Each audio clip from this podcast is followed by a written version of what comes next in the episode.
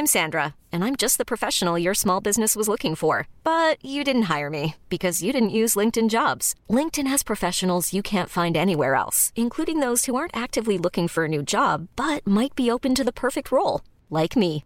In a given month, over 70% of LinkedIn users don't visit other leading job sites. So if you're not looking on LinkedIn, you'll miss out on great candidates like Sandra. Start hiring professionals like a professional. Post your free job on linkedin.com/achieve slash achieve today. Hey, it's Ryan Reynolds, and I'm here with Keith, co star of my upcoming film, If, only in theaters, May 17th. Do you want to tell people the big news? All right, I'll do it. Sign up now and you'll get unlimited for $15 a month in six months of Paramount Plus Essential Plan on us. Mintmobile.com slash switch. Upfront payment of $45 equivalent to $15 per month. Unlimited over 40 gigabytes per month. Face lower speeds. Videos at 480p. Active Mint customers by 531.24 get six months of Paramount Plus Essential Plan. Auto renews after six months. Offer ends May 31st, 2024. Separate Paramount Plus registration required. Terms and conditions apply if rated PG. There's never been a faster or easier way to start your weight loss journey than with PlushCare. PlushCare accepts most insurance plans and gives you online access to board-certified physicians who can prescribe FDA-approved weight loss medications like Wigovi and Zepbound for those who qualify.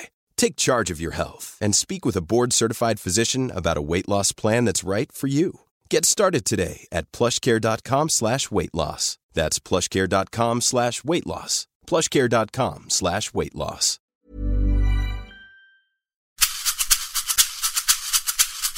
Varmt välkommen till avsnitt 164 i Karriärpodden. En podd med kvinnliga ledare och förebilder. Men som nu, för allra första gången, ska gästas av en man. Det är Urban Björn som är först ut i en serie av män som jag emellanåt kommer att träffa här i Karriärpodden. För vad är poängen med att diskutera jämställdhet och inkludering om vi faktiskt inte inkluderar? Urban har en lång karriär inom Swedbank som chef och ledare på affärssidan innan han för fem år sedan gick över till att arbeta inom HR och blev ansvarig för jämställdhet, mångfald och inkludering. Det här var ett byte som gjorde det tydligt för honom hur ojämställt det faktiskt kan vara och hur privilegierad han är som man. I nuläget har han hunnit utbilda över 1000 chefer och mer än 50 ledningsgrupper. Och Urban har nu valt att som konsult satsa ännu mer på att sprida kunskap och lärdomar om det här viktiga ämnet. Bland annat genom samarbete med oss i Women for Leaders. Nu kommer vi i det här avsnittet få lära känna Urban och höra mer om vilka lärdomar han vill dela med sig av och hur man ska få män att förstå att de tjänar på jämställdhet jättemycket. Jag är också så stolt över att kunna presentera Karriärpodden och Women for Leaders samarbetspartner, nämligen Volkswagen Group Sverige. Tack för att ni gör det möjligt att sända Karriärpodden. Här kommer nu avsnitt 164 med min gäst Urban Björn. Jag heter Eva Ekedal.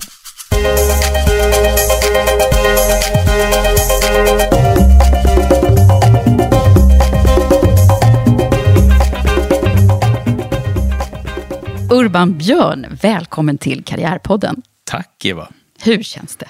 Ja, det känns eh, stort. För Jag vet ju att du bara brukar ha kvinnor Ja. i den här fåtöljen. Ja. Det är faktiskt ett helt unikt avsnitt som vi ska spela in nu. Det som eh, känns väldigt roligt att du är, för det första att du är den första mannen, det är också att vi kommer och har redan börjat eh, lite ett samarbete. Ja. Och att du dessutom håller precis på att byta karriär helt och hållet. ja, så spännande. Vilken cliffhanger. Ja, Va? ja, nej men eh, anledningen till att du är här, det är ju att du eh, också jobbar med och kommer ännu mer att jobba med de frågorna som ligger oss så varmt om hjärtat här i Karriärpodden och i Women for Leaders, nämligen jämställdhet. ja. Och då måste vi börja någonstans med att berätta, vad är det du har gjort ända tills nu? Ja, eh, alltså jag har ju en lång karriär inom eh, finanssektorn. Och jag är ju ekonom från början och har jobbat med det hela mitt yrkesliv egentligen. Affärer, eh, chef och ledare på olika positioner. Eh, och det var mitt liv kan man väl säga eh, väldigt eh, hundraprocentigt fram till för kanske fem år sedan. Då jag bestämde mig för att eh, jag kanske faktiskt tycker att det är roligare att jobba med människor än med siffror. även om det är väldigt roligt att göra affärer, så eh, kände jag väl det att jag var intresserad av att utveckla, träna, utbilda eh, människor i organisationen. Och eh, det fick mig också att tänka att hmm, då kanske det är inom HR man ska jobba. Mm, så där bytte du spår alltså? Ja, det gjorde jag. Väldigt så här. Eh, jag, jag fick möjlighet att eh, liksom, utan någon så här personalvetare och beteendevetenskaplig utbildning faktiskt jobba med eh, HR-frågor och vara HR-chef. Då. Och eh, där kom jag väl då för första gången eh, lite sent i livet till insikt om att det var inte lika möjligheter för alla. Nej, men det här är ju intressant. Alltså, nu måste vi djupdyka i detta. Vad var det som, var det någon händelse eller vad var det som hände med det här? Nej, men jag kunde se då ur ett annat perspektiv hur jag framförallt såg att man eh, inte då kanske tog tillvara på all den kompetensen som man borde göra.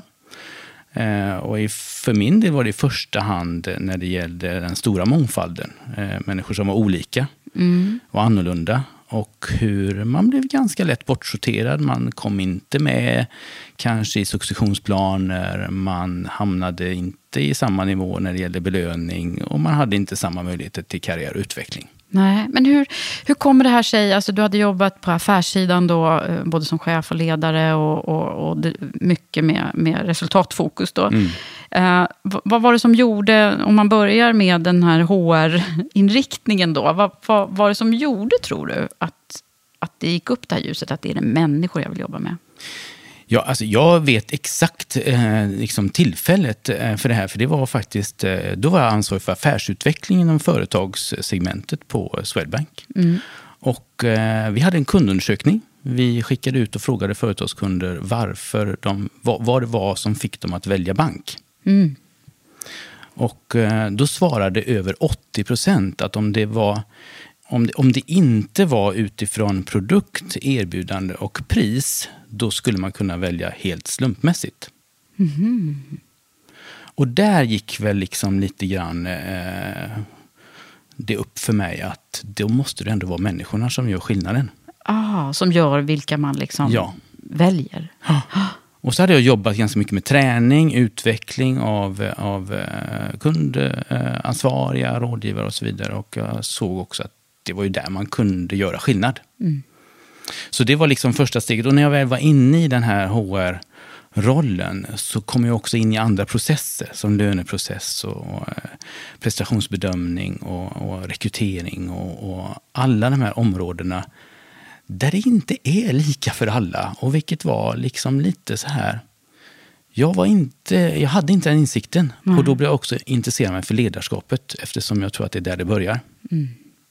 Och det här var ju då efter x antal år ja, själv år. i ledarrollen. Som du hade... Eh, och då hade det liksom bara pumpat på med vanliga livet? Liksom. Eller vad, ja, det vad, vad är din... Säga. Eh, vad tror du att det är anledningen till att, att du... För hur gammal var du när det här hände? Oh, jag var ju nästan ja, drygt 45. Ja. Ja, ja. Så det hade gått ganska lång tid ändå innan. Ja, oh ja. eh, jag eh, klandrade inte, men ändå.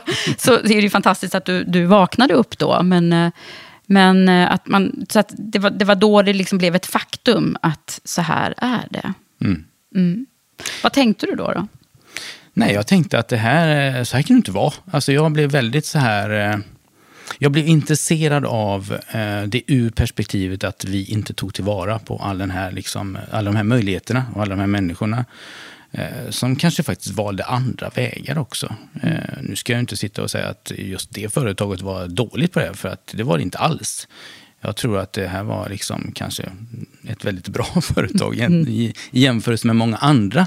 Men jag såg ändå att man inte hade insikten eh, varför man behöver jobba mer med detta. Och jobba med sitt eget liksom, omedvetna. Och då blev jag väldigt intresserad av det där. Då. Men jag tänker att vi ändå skulle vilja veta lite mer om varför just du, Urban. För du vet ju att den här podden handlar ju väldigt mycket om eh, porträttet och personligheten bakom mm. Mm. Eh, det man håller på med. Så då tänker jag att vi måste backa klockan lite och se vem, vem Urban var från allra första början. ja. Ja, nej men jag är ju... Eh, Jag, är, jag har bott hela mitt liv i Göteborg, kan man säga, på västkusten och jobbat på lite olika ställen i och för sig, men jag har alltid haft det som, en, som min bas. Eh, jag har eh, jobbat på samma företag väldigt många år. Jaha, hur många år blev det? 28 blev det till slut. Jesus. Ja. Ja. Eh, Men haft väldigt många intressanta jobb. 18 olika jobb när jag räknar efter på 28 år. Så jag har ändå känt att jag har gjort olika Du har saker. bytt jobb 18 Ja. gånger liksom. Ja. Mm. inte, inte så stora skiften kanske som jag gjorde när jag bytte till HR-området. Mm. Nej, men privat har jag också, eh, jag har fyra söner och en hankatt brukar jag säga för att lägga till det. Eh, och så har jag en fru också, då, så jag brukar säga att det är åtminstone jämställt i ledningsgruppen. men, men det har inte varit, jag har inte fått någon liksom, eh, hjälp av, av kanske så många andra döttrar som påminner om att eh, du kanske skulle börja bli lite mer eh, insiktsfull pappa. Utan Nej, den, det är ju en klassiker annars. Mm. Nej, eh, nej, så den hjälpen har jag inte fått på det sättet. Men eh, jag tror ändå att, att eh, det här uppvaknandet handlar om att jag fick träffa så många människor. Som du inte liksom- hade träffat tidigare. Ja, och jag fick liksom eh, sätta mig in i den situationen. För det är klart att jag har varit otroligt privilegierad. Som vit och man och liksom, eh, ja, inte så annorlunda. Det här privilegiet, vad, vad, vad står det för? Alltså för, för mig så, så har jag nu återigen sent kommit till insikten att har man ett sånt privilegium, då har man lite ansvar att eh, göra någonting av det. Och det, det är det jag har liksom försökt göra nu senaste åren och som jag vill göra ännu mer nu då. Att ta det där liksom privilegiet och göra någonting av det istället bara för att sitta och känna att det är skönt. Vad gör man av det då? Nej, man försöker att eh, man försöker vara en förebild eh, på många sätt. Alltså som, som, eh, som pappa och eh, som man och som ungdomstränare i handboll för grabbar i tonåren eh, så har man ett ganska stort ansvar. Eh, att redan liksom tidigt försöka påverka eh, pojkar och män att eh, bli lite bättre på att eh, inkludera alla. Mm. Så det handlar om inkluderande ledarskap som vi pratar så mycket om. Ja, och, och som man kan börja med tidigt tror jag. Eh, Har du något exempel på det där med, det där med idrottens uh, locker room talk som vi Mm. brukar... Vad, vad kan man göra där? För jag har ju själv, jag har själv spelat fotboll. Mm, eh, Och jag har fotbollsspelande son. mm. Så jag har sett lite eh, av det där själv. Vad, vad, vad kan man göra där för att det inte ska bli den här jargongen? Jag, eh, vi- eh, alltså, det laget jag jobbar med, de, de har ju fått det här väldigt liksom, tydligt klart för sig att eh, nej, men man säger inte eh, könsord, man eh, svär inte heller. Man pratar inte på ett sätt som, som, som man kanske gör när pojkar kommer i ett sammanhang och, och det pratas illa om, om folk som är annorlunda generellt faktiskt. Eh, Jag har ju själv liksom varit i omklädningsrum hela min uppväxt. Jag tänker det. Du har Ja. spelat, eh, vad är det du har spelat? Ja, men jag har spelat fotboll och har en så här eh, hyfsat medioker karriär tills, eh, tills eh, min kanske största motgång i livet var när mitt korsband gick av. alltså det är inte mycket att komma med, men, Nej, okej. men jag har ju massvis med eh, minnen från den där tiden eh, där, där, där jag liksom idag kan reflektera över hur kunde, hur kunde mina liksom manliga förebilder bete sig som de gjorde, ärligt talat. Mm. För det är ju så här, är, man ärver det Ja. på något sätt. Ju. Ja. Och det, det kan jag tycka är lite så här, det är inte konstigt att det har blivit som det har blivit med män. Nej, det Faktiskt. finns en förklaring där. Ja. Eh, Handlar det om belöning? Alltså, jag tänker på vad, vad var det man, vilket beteende var det man belönade? jag tror det snarare var så att, att man, eh, rädslan att, att eh, säga något som inte var, var eh, det som man skulle säga var större än, än eh, vad ska jag säga, eh, önskan att vinna i det fallet. Eh, rädslan att, att vara annorlunda var så stor och hålla sig till liksom, eh, maskulinitetsnormen var så stort. Och är fortfarande ganska stort tror jag. Om, om det inte finns bra förebilder. Exakt. Och det, hade du ifrån. några bra förebilder när du var liten? Ja, men det hade jag. Det tycker jag att jag hade. Mm. Sen är det klart att eh, min pappa hittade inte dammsugarna förrän han var över 50 heller. Så att, eh, liksom, det är klart, inte, inte den typen. Det var ju som det var liksom, på den tiden. Men jag tyckte ändå att jag hade eh, manliga förebilder i, i, min familj som, som gjorde det liksom, eh, som hade det jämställt på andra sätt. Att man respekterade varandra på ett annat sätt. Och, eh, och sen har jag ju haft liksom, starka kvinnor i familjen också som har hjälpt. Så. Och vilka starka kvinnor pratar vi om då? måste vi prata om. Ja, nej men jag hade ju en mormor som var fantastisk. Som var eh, liksom eh, en affärsdriven eh, kvinna som, som eh, styrde kanske lite väl mycket över hela släkten, kunde jag tycka ibland, mm. så här i efterhand. Men hon var stark och hon var, eh, och, och, hon eh, ja, jobbade hårt hela sitt liv. Hon jobbade tills hon var 86 år. Oj! Och drev egen firma. Ah. Men okej, okay, vi stannar där lite grann. Det är ju så intressant. Det vet du som har lyssnat på några avsnitt i alla fall i Karriärpodden. Mm. Att jag, det, det, det, är så mycket som händer med oss där eh, när vi är små och växer upp. Som också betyder för... Det är det som präglar oss helt enkelt. Vad, vad hittar du för nycklar när du forskar i det här? Vad är det som har betytt mest för dig ifrån din barndom? Oj, vilken svår fråga. Eh, nej men jag tror att eh, jag, hade, jag är ju så kallat ensambarn eftersom det är så långt mellan mig och min bror. Det är ju nio år. Mm. Så att jag, eh, jag var väldigt eh, duktig på att eh, ta hand om mig själv, trivas med mig själv och eh, tyckte också om att vara rätt mycket själv faktiskt. Mm. sen så har man väl blivit social med tiden, men jag var väldigt så här, tänkte mycket, funderade mycket och hade också eh, en väldigt stark drivkraft själv. Mm. Vilket jag tror kanske kom ifrån det att jag fick liksom jag fick, eh, jag fick göra så. Jag vet när, vi, när jag bodde på landet på sommaren. Min mamma var förskollärare. Jag var ju där tio veckor på landet och det var väldigt ensligt där. Det var inte så nära till nästa hus om man säger så. Och då sa liksom mamma till mig, men du får väl gå och leta efter några kompisar då. Mm. Då gick jag liksom en kilometer över på andra sidan viken och så, försökte, och så knackade jag på och såg om det var någon som var hemma och jag var tio år. Mm. Och lite sådana där saker kanske har liksom präglat mig att jag har fått liksom, ja, driva saker och ting själv lite grann. För att det ska hända något. För att det ska hända något, ja. Mm. Och det kommer du få göra jättemycket nu, tänker jag, med eget företag. För, det, ja. för så är det ju verkligen då, mm. ännu mera. Ja.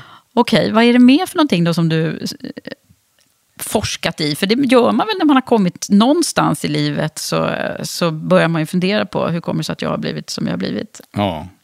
Och jag brukar ju lite elakt säga att killar kommer lite senare eh, med den där funderingen än, vad mm. tjejer gör. Men, men nu är du så mogen så du måste ha funderat, tänker jag. Alltså, det, det vill jag inte säga. Jag, eh, jag funderade sent på, på eh, vad jag ville göra och såna saker. Jag, jag var nog en sån här som liksom eh, jobba på. Mm. Jag liksom, eh, du gick in i follan ja, och så körde absolut, du på? Absolut, mm. i många år. Sen hade jag väldigt roligt också mm. eh, i, i, många jobb jag hade. Och jag var med och startade upp liksom Swedbanks eh, verksamhet i Norge. Det var ju så också som att starta eget. Det var fantastiskt kul. Men jag måste säga att jag, alltså alla människor utvecklas under, under tiden. Mm. Och, har kommit till väldigt bra insikter sent i livet. Mm. tycker jag själv. ja, det tycker ju vi också då, eftersom du sitter här nu. Men, nej, men jag tänker att man, man, eh, det finns ju tillfällen när man eh, vaknar upp lite extra mycket mm. kring eh, just de här frågorna. Man ser sig själv i spegeln, brukar jag säga. Alltså, ja. Har det funnits sådana stunder i ditt liv? Alltså det har funnits stunder då jag har känt mig obekväm i sammanhang och jag har inte riktigt vetat vad jag ska göra av det där. Jag har också eh, ett antal situationer där jag än idag undrar varför jag inte sa ifrån. Mm. Varför jag inte ställde mig upp och sa att det där är inte okej. Okay. Nu gör jag det i alla sammanhang. Mm. Eh, men jag liksom Vad är det som har gjort att det har blivit en förändring nu då, tror du? Därför att när jag, gjorde det första gången så kändes det så fantastiskt bra. Eh, och alla de andra gångerna när jag inte har gjort det så har jag alltid gått och funderat över varför jag inte gjorde någonting då. Mm. Och det kan vara för att stå upp för eh, alla typer av orättvisor. Eh, när någon säger någonting som är väldigt liksom eh, klantigt och, väldigt så här eh, tråkigt för andra att höra. Och, Och när man skämtar om saker och ting som jag tycker inte liksom egentligen är kul. Mm. Bara liksom förlegat. Men det är idag har blivit mycket bättre och det känns så himla skönt också. Och, och det kan väl jag känna att eh, här finns det ju mycket att göra för oss män. Mm. Att våga vara den där som eh, skiter i, ärligt talat, om det blir dålig stämning. Ja, precis. Nu är du inne på någonting väldigt intressant. För jag tror att det, det, är mycket nycklar som ligger här till mm. varför det ser ut som det gör. Mm. För det finns ju det beteende som vi vet är inte okej. Mm. Eh, men som vi kan sitta på sidan om. Och det är ju faktiskt både män och kvinnor. Så det är ju inte alls så att eh, det bara är männen som ska. Eh, men just i de här liksom, kulturfrågorna så så, och när metoo hjälpte ju till, eh, det här eh, diskussionen kom ju verkligen upp på bordet då. När, när det handlar om att sitta bredvid och, en, och, och se på är typ lika illa som att göra det. Ja. Och där, där har, det, det är det här du pratar om nu? Ja, och, och där tror jag att eh, metoo har ju varit en fantastisk, eh, liksom, ett bra hjälpmedel att, att fortsätta att prata om de här frågorna. Mm. Och jag tror att eh, jag, har ju, jag har ju gjort ett sånt här arbete för, för, för eh, ett företag där jag har, har, jobbat mycket med det här att, att hur ska man alltså krama ur det bästa ur metoo, det vill säga att förstå, försöka förstå att det handlar inte bara om att, att några män har tafsat på någon. Det handlar om härskarteknik, det handlar om uteslutande, det handlar om, om att, att se ner på människor och inte inkludera. Och det handlar om så mycket mer. Mm. Och det kan jag tycka ibland att det är synd att inte alla har förstått.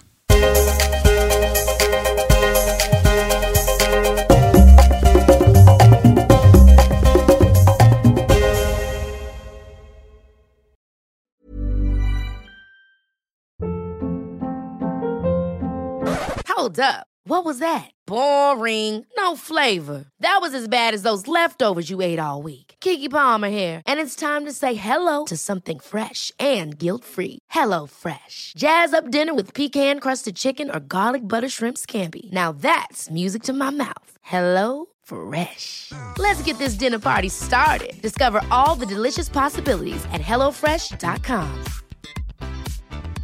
Hiring for your small business? If you're not looking for professionals on LinkedIn, you're looking in the wrong place. That's like looking for your car keys in a fish tank. LinkedIn helps you hire professionals you can't find anywhere else, even those who aren't actively searching for a new job but might be open to the perfect role. In a given month, over 70% of LinkedIn users don't even visit other leading job sites. So start looking in the right place. With LinkedIn, you can hire professionals like a professional. Post your free job on linkedin.com slash achieve today. There's never been a faster or easier way to start your weight loss journey than with PlushCare. PlushCare accepts most insurance plans and gives you online access to board-certified physicians who can prescribe FDA-approved weight loss medications like Wigovi and Zepbound for those who qualify. Take charge of your health and speak with a board-certified physician about a weight loss plan that's right for you. Get started today at plushcare.com slash weight loss. That's plushcare.com slash weight loss. plushcare.com slash weight loss.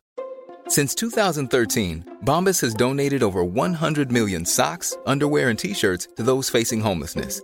If we counted those on air, this ad would last over 1,157 days. But if we counted the time it takes to make a donation possible, it would take just a few clicks. Because every time you make a purchase, Bombas donates an item to someone who needs it.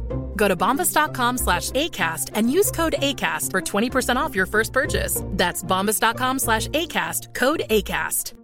Hey, it's Ryan Reynolds, and I'm here with Keith, co star of my upcoming film, If, only in theaters, May 17th. Do you want to tell people the big news? All right, I'll do it. Sign up now and you'll get unlimited for $15 a month in six months of Paramount Plus Essential Plan on us. Mintmobile.com slash switch. Upfront payment of $45 equivalent to $15 per month. Unlimited over 40 gigabytes per month. Face lower speeds. Videos at 480p. Active Mint customers by 531.24 get six months of Paramount Plus Essential Plan. Auto renews after six months. Offer ends May 31st, 2024. Separate Paramount Plus registration required. Terms and conditions apply if rated PG. Du har ju jobbat med många ledningsgrupper med att få dem att försöka vakna upp i eh, vad är det jag kan göra för att bli en mer jämställd människa. Ja. Eller tänka mer jämställdhet. Eh, hur många ledningsgrupper är det du har jobbat med? Ja, över 50. Mm. Eh, som jag har jobbat med ute i från ett workshop-koncept. då. Ja. Där- Kan du berätta lite om det? Hur, hur går det till? Jag, jag jobbar ju helst med ledningsgrupper och chefer. För jag tror att det är där man måste börja. Återigen det här med att vara en förebild. Eh, så, så eh, alltså när jag... Ibland brukar jag ha första rubriken att eh, om du inte tar in jämställdhet, mångfald och inkludering i ditt ledarskap så kommer väldigt snart ingen vilja jobba med dig. Och det kan vara så här lite provocerande, men jag tror att det är så sant. För de människorna och ledarna och cheferna som inte tycker att detta är viktigt och inte vill förstå sig själva lite mer och bli en bättre ledare utifrån det, de kommer ha ett bäst före-datum som är rätt snart. Mm. Så du börjar med att provocera lite kan man säga? Ja, men jag tror man måste skaka om folk lite så att de förstår att det här är inte någonting som man bara ska liksom bocka av och nu har vi fått den här lilla lektionen och nu går vi vidare och så liksom, ja, gör vi viktigare saker. Utan man ska förstå att det här är inte för, det är, det är för mig själv som chef och ledare som jag ska bli bättre på det här. Det är inte för någon annan. Det är ungefär som, som jag brukar säga till mina killar i handbollsträning. Det är inte för mig du ska göra de här tio armhävningarna. Det är ju för dig själv du ska göra dem.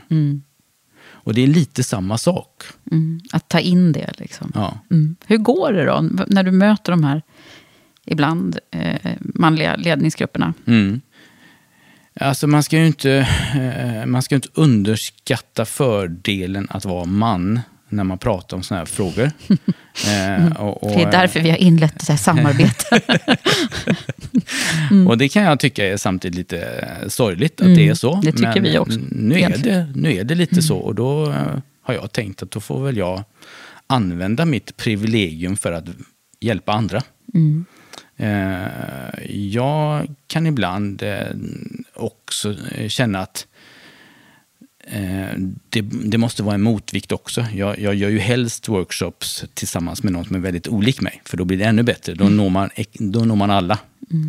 Men jag känner också att det finns framförallt en del män som eh, kanske då lyssnar lite extra när det är någon som ser ut som de, eh, eh, har lite samma bakgrund som de och, och kanske då inte förväntas prata om det här på det här sättet. Och då, då når man kanske lite lättare fram till dem. Det är min erfarenhet. Och, och det är klart att eh, det som triggar mig otroligt det är ju att, att se när, eh, och det är ju oftast en man då som kommer in klockan nio på morgonen och går ut ifrån den här workshopen vid lunch och är en lite bättre människa.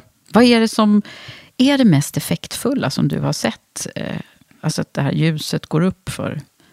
Ja, det mest effektfulla det är ju när man själv får eh, uttala sig i olika frågor och eh, svar, eh, sätta sig in i situationer där man, som jag brukar säga, går ut i gyttjan och klampar omkring lite och inser att eh, det var kanske bara jag som tyckte så här. Det är otroligt effektfullt när man eh, hamnar i en sån situation.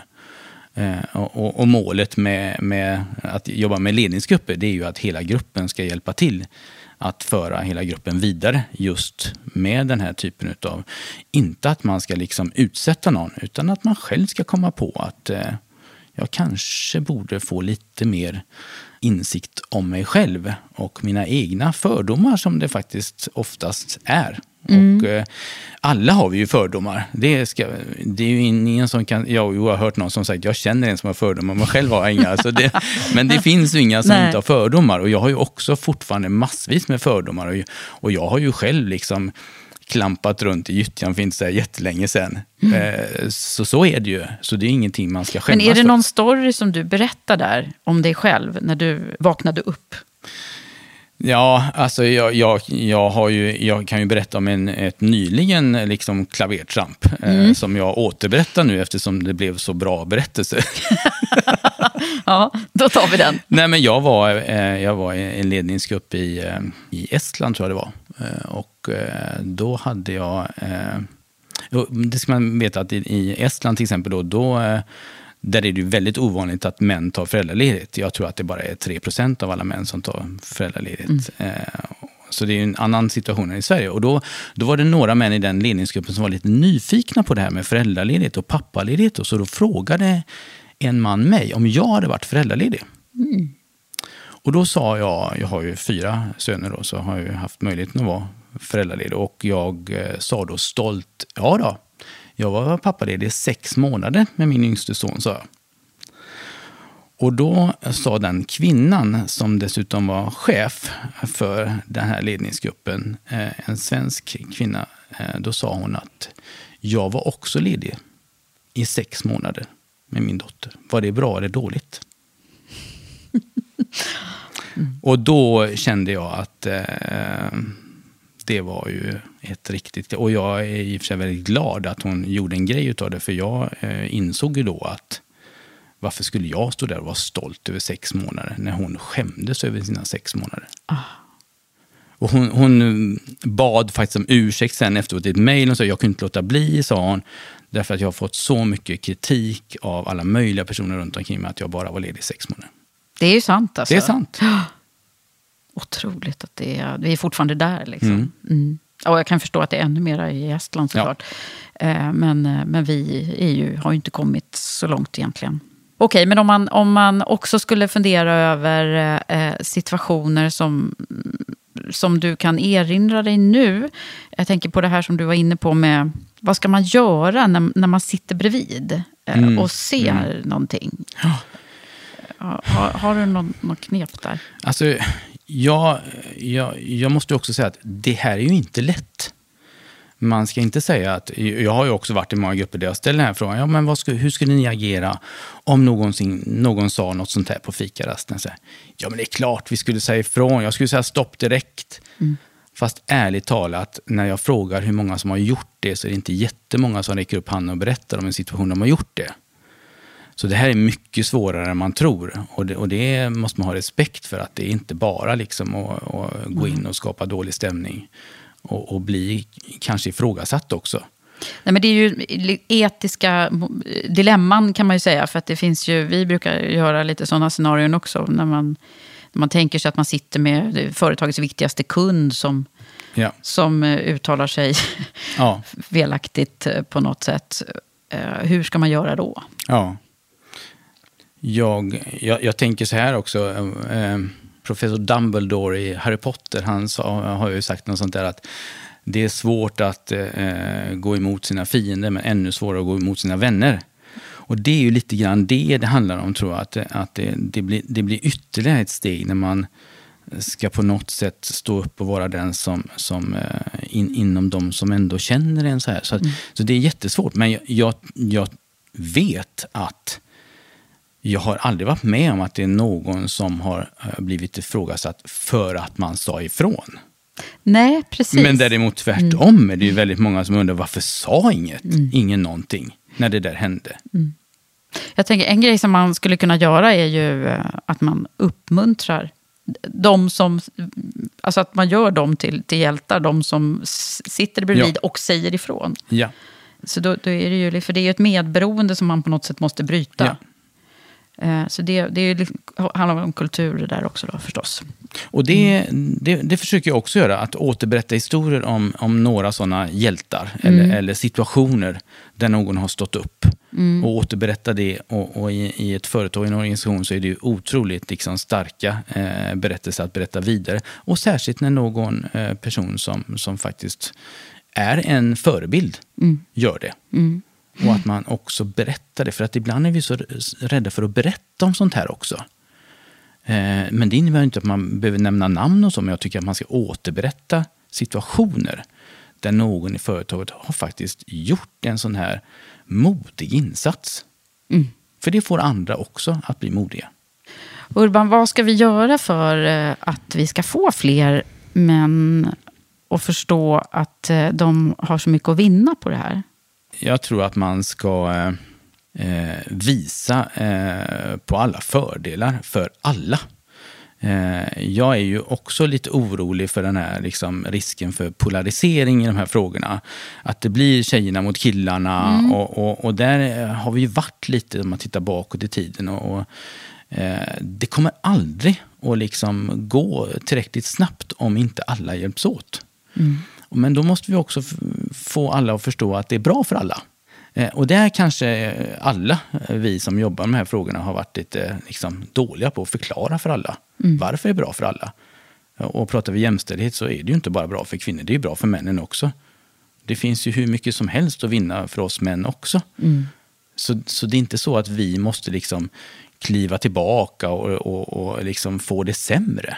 Nej, för det är ju många som jag har sett som kan uppfatta det som ett hot. Och nu är Ja. det bara prat om jämställdhet. Ja. Och nu ska vi bara ta, prioritera kvinnorna och sådär. Och det är ju inte det det handlar om. Och jag tycker Victoria Saxby, som också är en, Ja. en eh, trevlig person som kommer att figurera i våra sammanhang. Eh, hon och, och kompetent. Hon pratar ju väldigt mycket om eh, den nya mannen och vad den nya mannen har att, har att vinna på. Att det handlar om allt från ett bättre sexliv till bättre relationer till bättre affärer. Och, eh, många saker som, som bara blir bättre för alla. Och det behöver man bli bättre på att berätta om och också eh, visa att eh, det här är inte liksom eh, farligt att engagera sig i. För det, där, har du ju, där kommer ju det där med liksom, eh, eh, vad heter det, genustrappan in och så här och att det är mer riskabelt för män att eh, liksom komma långt ner i, i trappan och prata jämställdhet. Det är ju väldigt långt ner i trappan. Då tar man ju enorma risker som man. Ja, du, nu måste vi ju prata om dig då, det, det som hände där. När du började jobba med det här Ja. och när du tog klivet över till HR för det Ja. första. Vad, vad fick du för... eh, Vad, vad sa folk i din omgivning? Ja, alltså först var ju klivet över till HR som, som också är ganska liksom, eh, kvinnodominerat eh, skrå, HR får man ändå säga. Verkligen. Och, och, och det klivet över där, det var ju väldigt liksom, eh, konstigt tyckte många. Tyckte de det? Ja, ja vad, det vad var fick ju, du höra? Nej, men det var ju någon som undrade om jag hade gjort något dumt. liksom, har du, ja, så att, eh, och, och det var också så här, jag hade ju inte riktigt den bilden då av HR, utan jag hade ju jag hade en annan bild, men många har ju en bild som, som jag också tyckte var så här, den vill jag också förändra. Att det var, eh, alltså det är ju det är ju inom HR man kan göra massvis med viktiga saker för ett företag. Det är en väldigt, väldigt bra plattform att jobba utifrån. Eh, Steget över sen då, att få ansvar för jämställdhet, mångfald och inkludering i, i en hel koncern med 14 000 anställda under ett år. Jag vet inte riktigt, men, men jag kan ju tänka mig att många undrade liksom, inte hur ska det där gå, men, men typ, vad gör han där? Ja, och vad säger de nu? Nej, men jag tror att, jag hoppas att jag har fått liksom, eh, fler att förstå att eh, det här är en, en affärsfråga. Det är en, en fråga om, om eh, överlevnad för chefer och ledare och det är, det är en fråga om, om eh, hur, vi, hur vi ska bli bättre liksom, på arbetsmiljö, att se till så att alla trivs, att vi är en attraktiv, eh, ett attraktivt företag för, för unga personer. Så att allt det där som är det som följer med också, att jag har kunnat liksom visa lite grann, det tror jag. Men sen är det klart att när jag gick in i den här rollen och jag kunde inte se så många män i andra storföretag som hade den här rollen, utan det var ju få. Jag tror det var en jag hittade. Eh, så frågade jag också, vet jag, en kvinna som då satt i vår koncernledning om hon hade några råd, för jag vet att hon var väldigt eh, hon var duktig på att driva jämställdhetsfrågor och så vidare. Ja, sa hon ja. Kom bara ihåg det att det kan alltid finnas någon som kommer att tycka att jaha, nu ska männen fixa det här också. Så det tänkte jag Ja. faktiskt på lite grann. Eh, Vad bra att du tog de råden. För det är ju va- bra att vara liksom beredd på alla möjliga saker. Mm. Vet du, jag har ju en ny samarbetspartner eh, Mm. till Karriärpodden som heter Volkswagen Group Sverige. Mm. Och de eh, driver ju frågor om jämställdhet och ett inkluderande ledarskap på ett ganska offensivt sätt. Eh, och de har skickat med en fråga eh, som lyder så här. Vad är ett inkluderande ledarskap för dig? Vad tycker du är de viktigaste beståndsdelarna i det? Jag tror att det man, det man pratar mycket nu inom ledarskap och som är väldigt i fokus, det är ju, det är ju ordet tillit. Eh, jag tror det kommer komma mer och mer. Jag har läst om att det finns en ganska stor sån här metaanalys med, med 30 000 liksom, eh, intervjuer eh, runt hela världen. Om det har man kommit fram till att tillit är det som är liksom det som behövs för att en träning för ledare ska kunna ge ett resultat för företaget. Finns det inte tillit så spelar det ingen roll hur bra träningar och utbildningar det är. Och jag tror att när man tänker på tillit då, så tänker man, ah, hur ska man kunna skapa tillit då? Jag tror att grundpelaren där är att man är en inkluderande ledare för att kunna få tillit. Mm.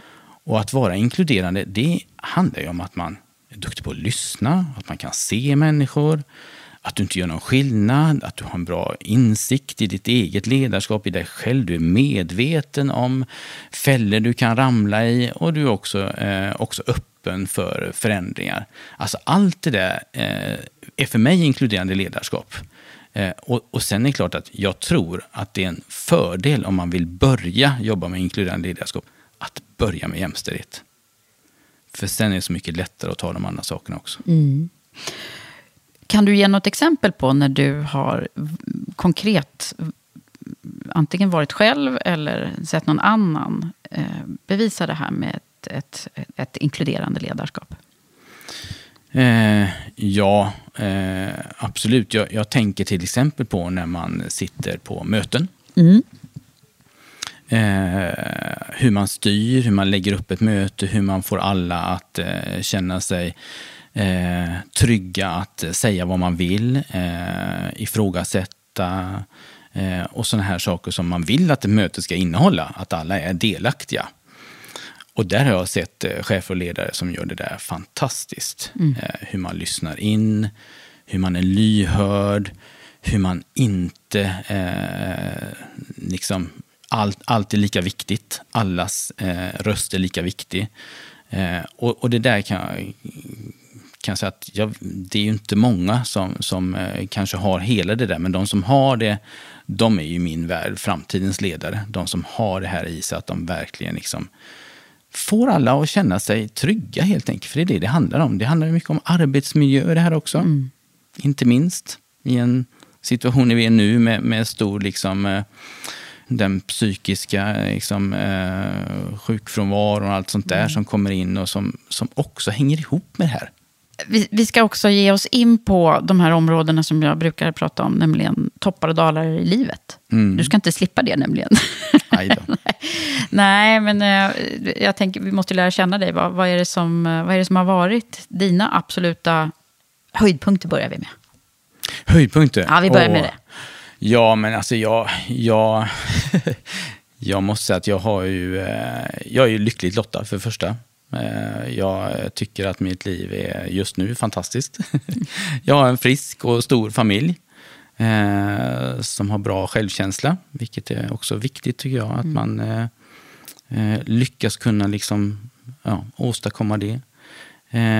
Så mina toppar, om man säger, mina toppar i livet har väl varit lite så här när jag har haft, jag har varit väldigt liksom så här, har jag ett jobb som är väldigt roligt och väldigt engagerande och motiverande, då har jag en topp privat också faktiskt. Ja, det hänger ju ja, ofta ihop det där. Det och, och eh, det kanske är lite så här, ja, jag vet inte om det är bra eller dåligt, men det har varit ofta så faktiskt. Sen har jag eh, blommat upp när jag har fått eh, eget ansvar för olika saker och jag har fått driva saker. Och, och det kan väl också bara passa på att säga att det var, det var också en sån här sak som jag upptäckte då att när jag hade liksom jobbat i affären och, och, jobbat med den typen av uppdrag då, så var det väldigt lätt att driva saker och ting.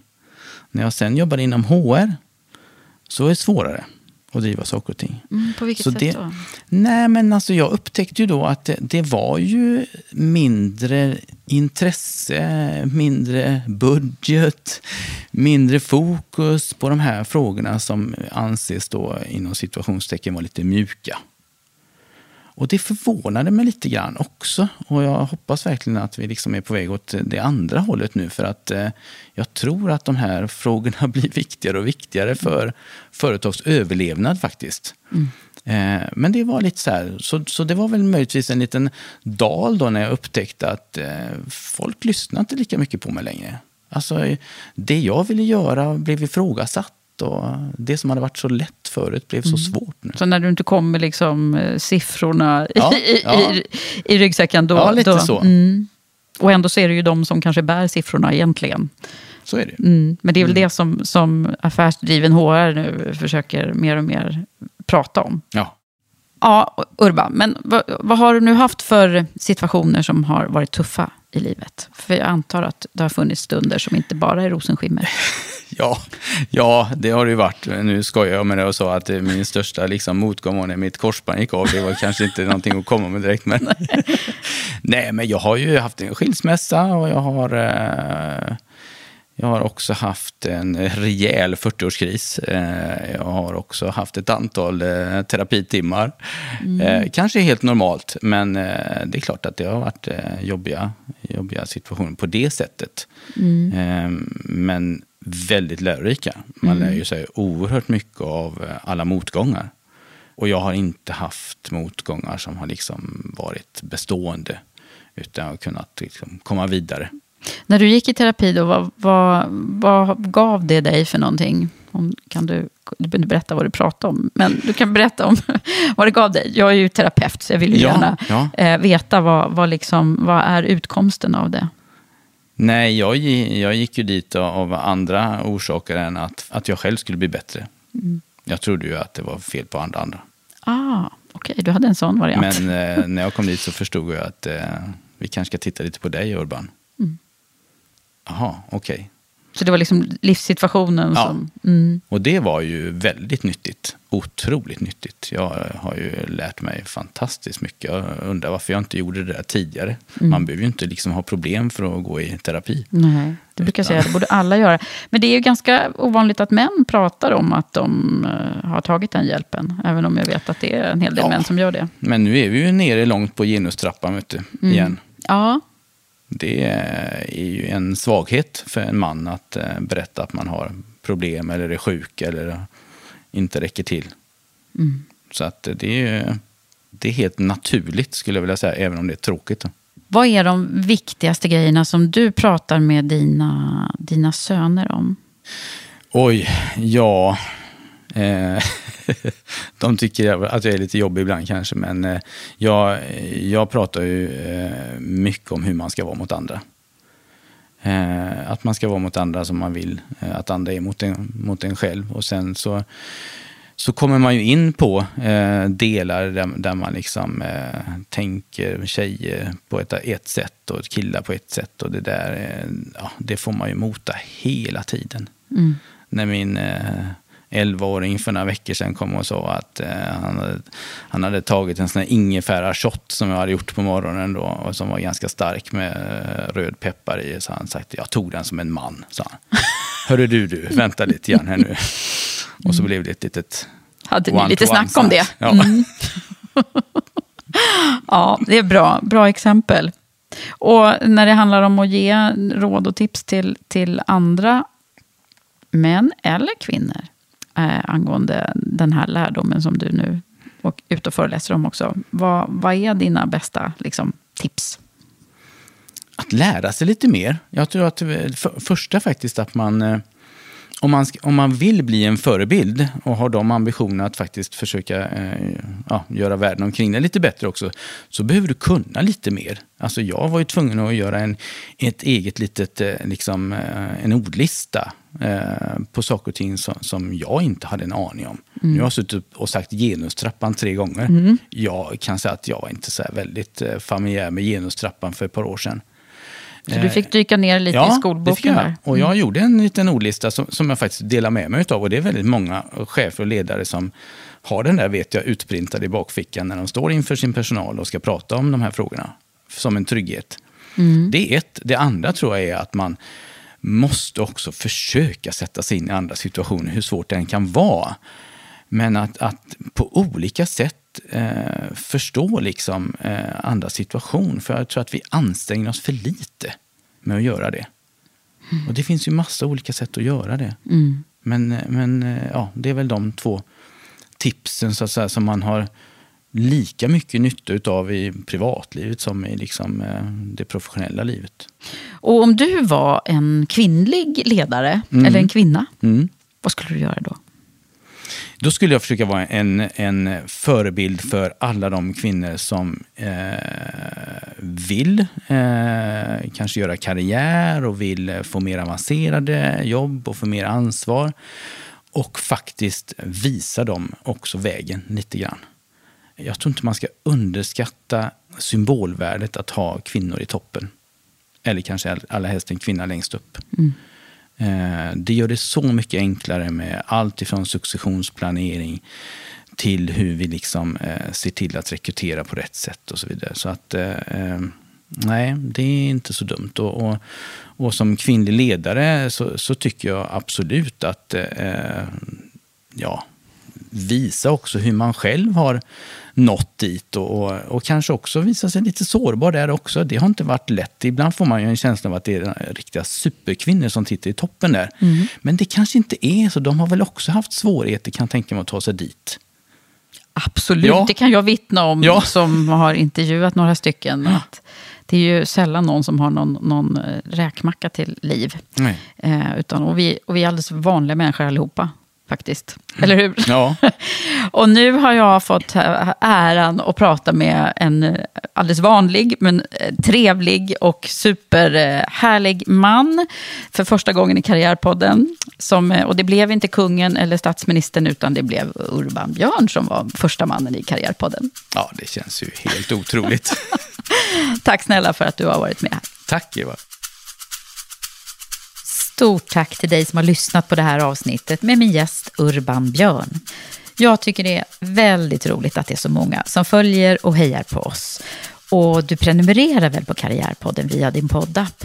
Och du får gärna sprida den till en kompis som du tror skulle uppskatta den. Jag vill också passa på att berätta att vi snart kommer att ha ett spännande event tillsammans med vår nya samarbetspartner Volkswagen Group Sverige som handlar om just det inkluderande ledarskapet och vi kommer att göra det på ett lite annorlunda sätt. Vill du veta mer om det och hur du blir medlem i Women for Leaders? Läs mer på womenforleaders.com.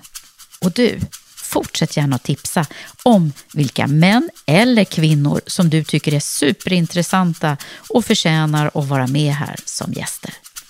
Det var allt från Karriärpodden den här gången. Jag heter Eva Ekedal. Vi hörs snart igen.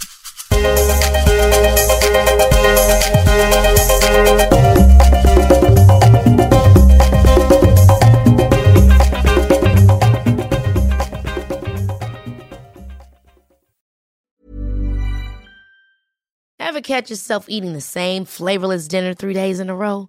Dreaming of something better? Well, HelloFresh is your guilt-free dream come true, baby. It's me, Kiki Palmer. Let's wake up those taste buds with hot, juicy pecan crusted chicken or garlic butter shrimp scampi. Mm. Hello Fresh. Stop dreaming of all the delicious possibilities and dig in at HelloFresh.com. Let's get this dinner party started. Traffic jams, tailgating, pileups. Ugh, the joys of driving. How could it get worse? the federal government wants to have a say in what you drive. That's right. The Biden administration's EPA is pushing mandates that would ban two out of every three vehicles on the road today. Don't let Washington become your backseat driver. Protect the freedom of driving your way. Visit EnergyCitizens.org. Paid for by the American Petroleum Institute.